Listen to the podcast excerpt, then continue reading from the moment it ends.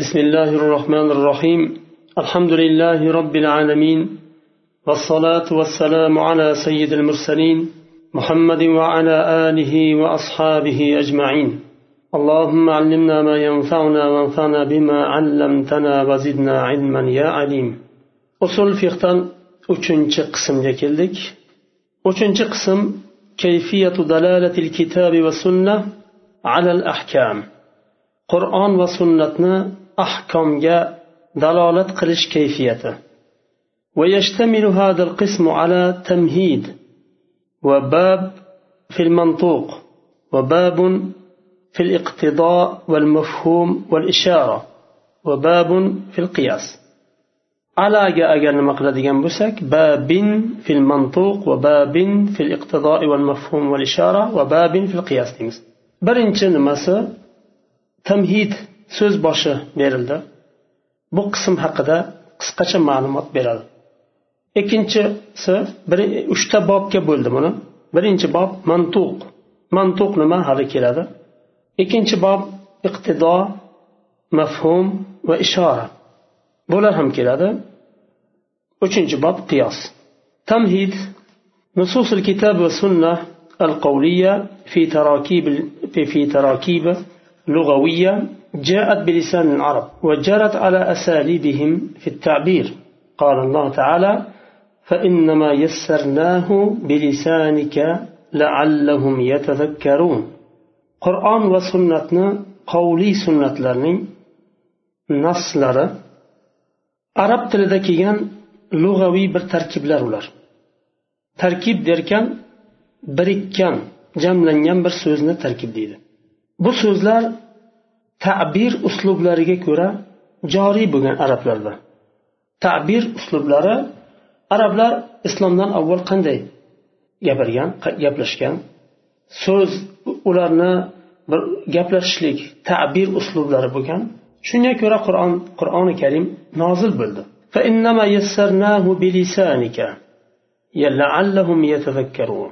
Biz bu qur'oni karimni deyapti alloh taolo.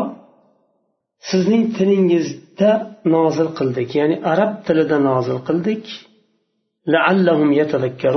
ular ibrat eslatma olishligi uchun boshqa oyatda qur'anan arabiyan g'ayra arabiy qur'onni nozil qildik egri qiyshiq bo'lmagan to'g'ri bo'lgan فينبغي لمعرفة معاني الكتاب والسنة وأخذ الأحكام منهما أن تفهم طريقة العرب في التعبير أما في ضمائرهم قرآن وسنة معنى لرنا bilishlik uchun tushunishlik uchun va qur'on sunnatdan ahkomlar chiqarib olishlik uchun arablarni ta'birdagi uslubini tushunishingiz kerak deyapti ta'birda uslubi bor qanday qilib so'zni yetkazish nima uslubi bor ta'birni ومعرفة لغة العرب وأساليبها ركن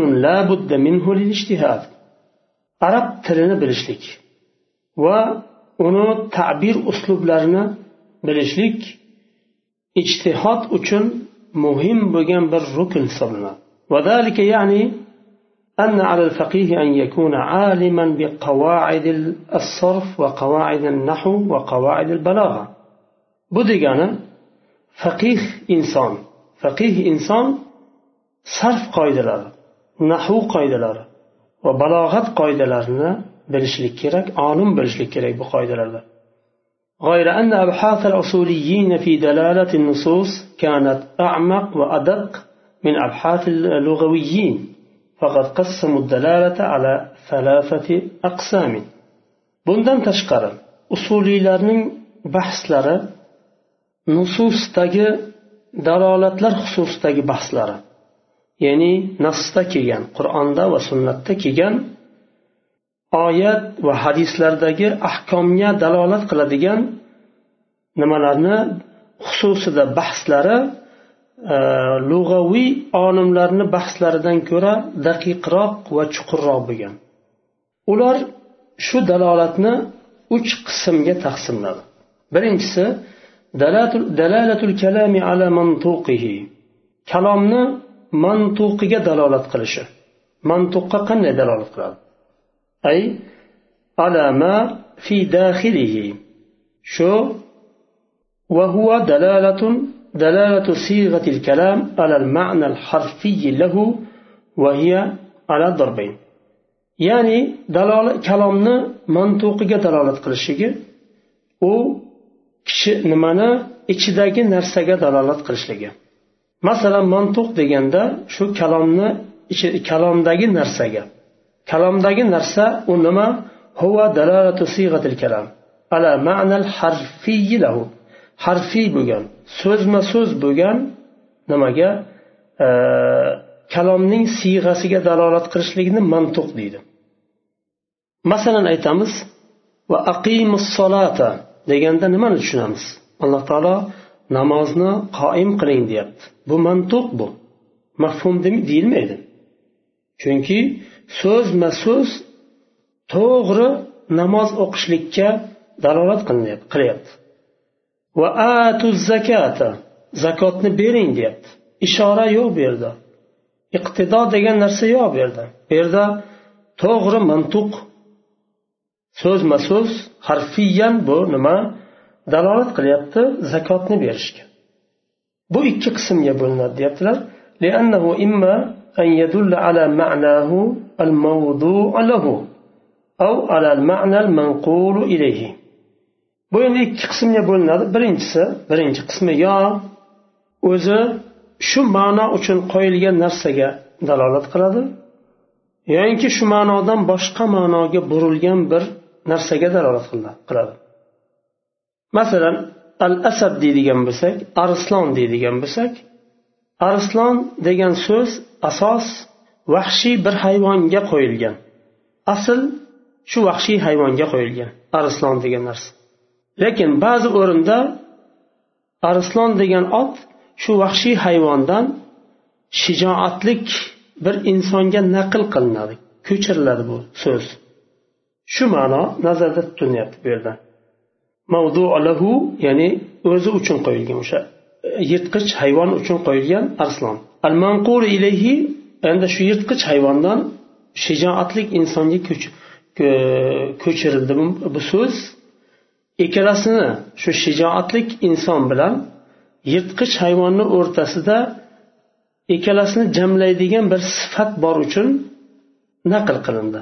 Qo'rqoq odamni arslon deb bo'lmaydi chunki arslon qo'rqoq emas.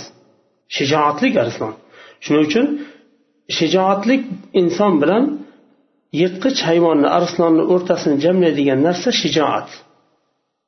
Agar shu shijoat topiladigan bo'lsa ikkalasini o'rtasini bog'laydigan demak shu so'zni o'sha odamga ko'chirsa bo'ladi. Endi avvalda murod al lahu. O'z shu bir narsa uchun qo'yilgan nima haqiqat majoz deydi buni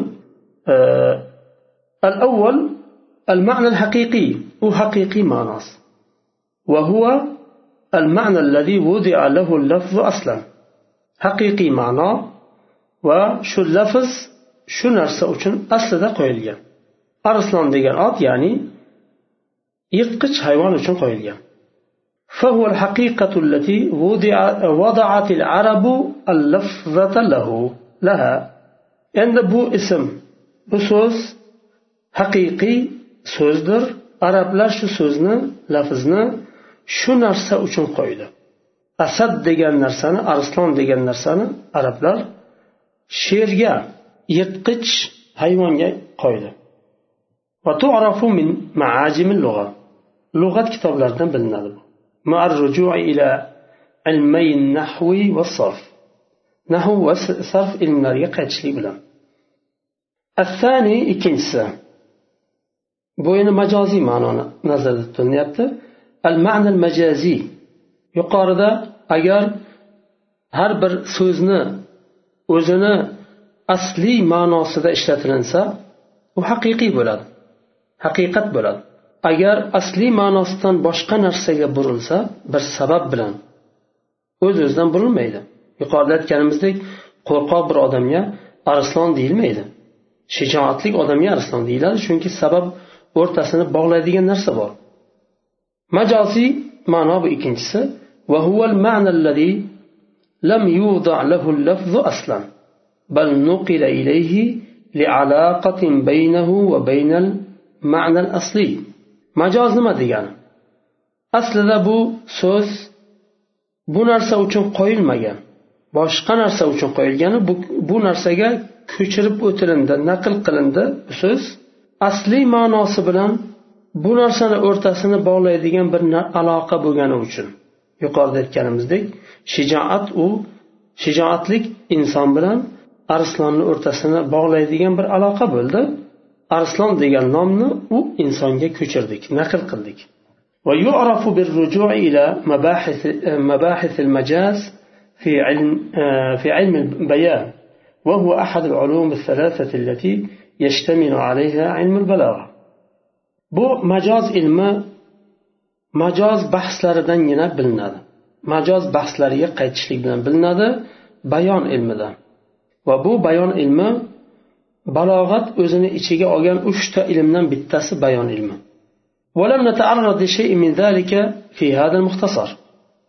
Biz bu qisqa kitobni ichida yuqoridagi nimalarni birortasiga kirmaymiz. Haq nima haqiqat majoz boshqa haligi e, balog'at ilmi nahu va sarf ilmi haqida gapirdi. Ularni birortasiga kirmaymiz bu kitobda chunki bu muxtasar kitob. Qisqa muhim bo'lgan asosiy nimalarni bergan bu kitobga. وإن كان الأصوليون يوردون منه في كتبهم أشياء رائقة منها على سبيل التمثيل كلامهم في معاني الحروف نحو الباء والفاء وإذا وحتى ونترك ذلك اكتفاء بما يذكره النحويون biz bu kitobda dedi nima? Muxtasar kitobda yuqorida sanab o'tilgan nimalarga kirmaymiz dedi boblarga. Nahvu va sarf va balog'at boblariga. Usuliylar kitoblarida ba'zi bir nimalarni keltirgan muhim bo'lgan qoidalarni keltirgan misol tariqasida ular harflarni ma'nolarini keltirgan. Usuliylar keyin kitoblarda kelgan chunki harf ma'noga dalolat qiladi. Harf harf bir ma'noni bildiradi. Bir hukm chiqarishlik uchun va oyatni yo hadisni ma'nosini tushunishimiz kerak. Masalan aytamiz vamsahu bi ruusikum deganda bi ruusikum b harf harf jar lekin ma'no bildiradi. Hanafiy mazhabi bundan hukm chiqarishlik uchun bu harfdan ma'no oladi. Aytadi bir usikim degani haligi ga dalolat qiladi. Qo'lingizni boshingizga qo'yganingizda kaftingizni boshingizga qo'yganingizda qancha yerni egallasa shuncha yer farz bo'ladi mas tortishlik farz qilinadi deb hukmni shu yerdan olgan. Demak bu harfgacha e'tiborli ekan. Ma'nolariga e'tibor berishlik kerak ekan hattoki bir harf bo'lsa ham hukmni chiqarishlik uchun. Alba val fa masalan fe harfi ham. Iza masalan bir nechta ma'noni bildiradi. Hatto u ham bir qancha ma'nosi bor. Aynan o'sha o'rinda kelganda nima ma'noga dalolat qilyapti buni bilishimiz kerak. Hatto e, qancha ma'noni bildiradi uni bilishimiz kerak. Nahvshunoslar zikr qilgan narsa bilan kifoyalanamizda bu narsani kitobda bu yerda zikr qilish qilmaymiz qoldiramiz deyaptilar. سنذكر في هذا القسم من الدلالة مباحث خصها الأصوليون بمزيد من العناية لأهميتها من الإجمال والبيان والظهور والخفاء والعموم والخصوص ونحو ذلك لكن بس بقسم ده أصولي لار خاص قيام bahslarni va ortiqcha ahamiyat bergan bahslarni keltiramiz deyaptilar. Bu bahslar nima? Ijmol va bayon. Ijmol nima? Bayon nima? Zuhur nima? Al xafa nima? Al umum nima degani va xusus nima degani? Bularni biz o'rganishimiz kerakki qur'onda kelgan yo sunnatda kelgan e, nasdagi dalolatlar ijmoliymi yo bayonmi? Zohirmi ma'nosi yo xafa bormi maxfiymi? Yo umummi ma'nosi umumni bildiradimi yo xususni bildiradimi? Bularni hukmni chiqarishlik uchun bu narsalarni bilishligimiz zarur va buyuk bir ahamiyatga ega. Endi ikkinchisi biz hozir yuqorida birinchisini aytdi dalalatul kalam ala mantuqihi mantuqqa dalolat qilishligi endi ikkinchisi dalalatul kalam ala amrin xorijin anhu وهو أنواع هي الاقتضاء والإشارة والمفهوم yuqorida aytdik kalom mantuqiga dalolat qilishligini mantuq so'z so'zma so'z so'zda nima deyilgan bo'lsa shunga dalolat qiladi namoz qiling deyilgan bo'lsa demak namoz qiling degan so'z bilan tushunarli aytilindi. Bu so'zni boshqa tarafga burib bo'lmaydi. Namoz qiling dedi lekin e, ya'ni suv iching degan mazmunda bo'lishi mumkin deb bo'lmaydi. Chunki namoz qiling deganimiz mantuqidan nutqidan ma'lum. Mantuq degan nutqdan olingan. E, ikkinchisi mantuqdan xorijda bo'lgan boshqa bir narsaga dalolat qilishligi bu ikkinchi qismi bu. Bu endi bir bir nechta navda bo'ladi. Uchta navni berilyapti. Al iqtido bir narsani bir ma'noni taqozo qilishligi. Ya'ni biz hozir aqimus sola deganda shu aqimus sola degan so'z namoz qilishni taqozo qiladi deyilmaydi. Taqozo qiladimi? Dalolat qiladi namoz o'qish o'qing degan so'z mantuqi bilan dalolat qilyapti. Taqozosi bilan emas. Taqozo qilishlik so'zda mantuqi bilan o'tmaydi lekin e, shu ma'noni o'zini ichiga oladi. Shu ma'noni bir ma'noni muayyan bir ma'noni taqozo qiladi. Ishora degani ham shu. Bir ma'noga ishora qiladi. Masalan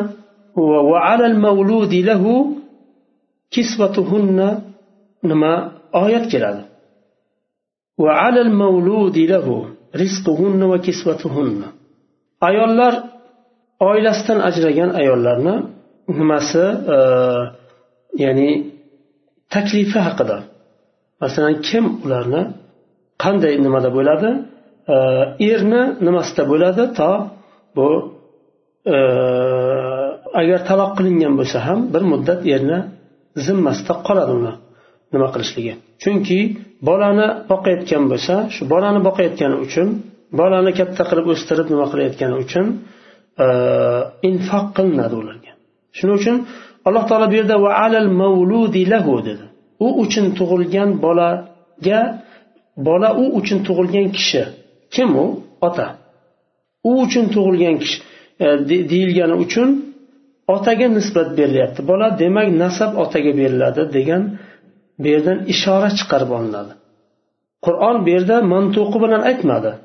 Nisbat nasab otaga beriladi degan so'zma so'z aytilinmadi lekin va alal mavludi lahu deb ishora qildi. Buni usuliylar aytadi bu ishora bu. Ishora yo'li bilan bu hukm sobit bo'ldi. Undan keyin mafhum bor. Shu bir jumlani mafhumi bir ma'noni o'zini ichiga oladi. Keladi hammasi. O'rni bilan uchinchisi endi دلالة الكلام على الحكم من حيث النظر في علة الحكم المنصوص عليه فإذا فهمت علته ووجدت في شيء آخر حكمنا عليه بمثل الحكم على الأول وهو ما يسمى القياس حكم kalomni hukmga dalolat qilishi nazar jihatidan bo'ladi mansus bo'lgan hukmning illatiga nazar qilishlik tekshirishlik ya'ni bilan nima e, hukmga dalolat qiladi. Mansus bo'lgan hukm nima? Masalan aytamizki mansus bo'lgan hukm xamir. Alloh taolo xamirni harom qildi. Qur'onda ham sunnatda ham harom qilindi. U mansus u. nas bilan harom bo'ldi degani. To'g'ridan to'g'ri xamirni nas bilan harom qildi. Buni hukmi nas bilan sobit bo'ldi. Endi shunga o'xshagan boshqa bir narsani hukmini chiqarishlik uchun nima qilamiz? Endi shu mansus bo'lgan hukmning illatiga qaraymiz. Xamirni illati nima edi? Mast qilishligi aqlni ketkazishi. Demak bu yangi chiqqan bir narsada ham shu mast qilishlik aqlni ketkazishlik bor. Ikkalasini illati bitta bo'ldimi? Mansus alayhi bo'lgan hukmni illatini bu hukmga qo'yamizda hukmini ham shu hukmga shu nimaga beramiz. Ikkalasi illatda birlashdi uchun mansus yo'li bilan nas yo'li bilan mansusun alayhi bo'lgan hukmni nimasi? Bu yangi hukmini izlagan nimani? Ga ko'chib o'tadi. Nima uchun? Chunki ikkalasini illati ayni illat. Agar illati tushunilsa ba'zi bir ba'zi bir hukmlarni illati tushunmasligi mumkin tushunilmasligi mumkin. Ya'ni mushtahid tushunmasligi mumkin. Yoyinki o'zi aslida tushunilmasligi mumkin. Lekin agar shuni hukmni illati tushunilsa va vujidat fi shayin axar boshqa bir narsada shu illat ham topilsa hakamna alayhi bimithl hukmi alal avval birinchisidagi hukmni ya'ni nas bilan sobit bo'lgan hukmni hukmini ikkinchi narsaga ham qo'yamiz. Halol bo'lsa halol deyiladi harom bo'lsa harom deyiladi makruh bo'lsa nas bilan sobit bo'lgan nima makruh bo'ladigan bo'lsa yangi chiqqan ikkinchi nima ham e, makruh deyiladi bu narsa qiyos deb ismlanadi hukm nima bilan sobit bo'ldi qiyosiy yo'l bilan sobit bo'ldi buni ham haligi qiyosni ham nimasi keladi bobi من أجل ذلك سنعقد للكلام من هذا القسم ثلاثة أبواب uchta bob nima qilamiz deyaptilar o'tamiz Birinchisi fi mabahis lug'aviyya ikkinchisi lug'aviy bahs ikkinchisi iqtido ishara va mafhum uchinchisi qiyos bo'ladi birinchi bobda bu yerda mabahis lug'aviyya سنعرض في هذا القسم لمباحث لغوية ستة في ستة فصول هي كما يلي oltita nima lug'aviy bahsda oltita fasl beramiz deyaptilar birinchisi mujmal va bayon. Mujmal nima bayon nima? Ikkinchisi nas nima zohir nima muavval nima? Bularni bitta bitta o'tamiz. Nimani? Sharhlab. Keyin uchinchisi al am val xos umum bilan xusus nima bular? Al mutlaq val muqayyad bular nima? Al amr nima? Nahiy nima? Bularni hammasini bitta bitta bahslarda o'tamiz. Shu yerda to'xtaymiz. Kelasi darsda inshaalloh davom etamiz subhanak allohumma va bihamdik. Ashhadu an la ilaha illa ant astag'firuka va atubu ilayk.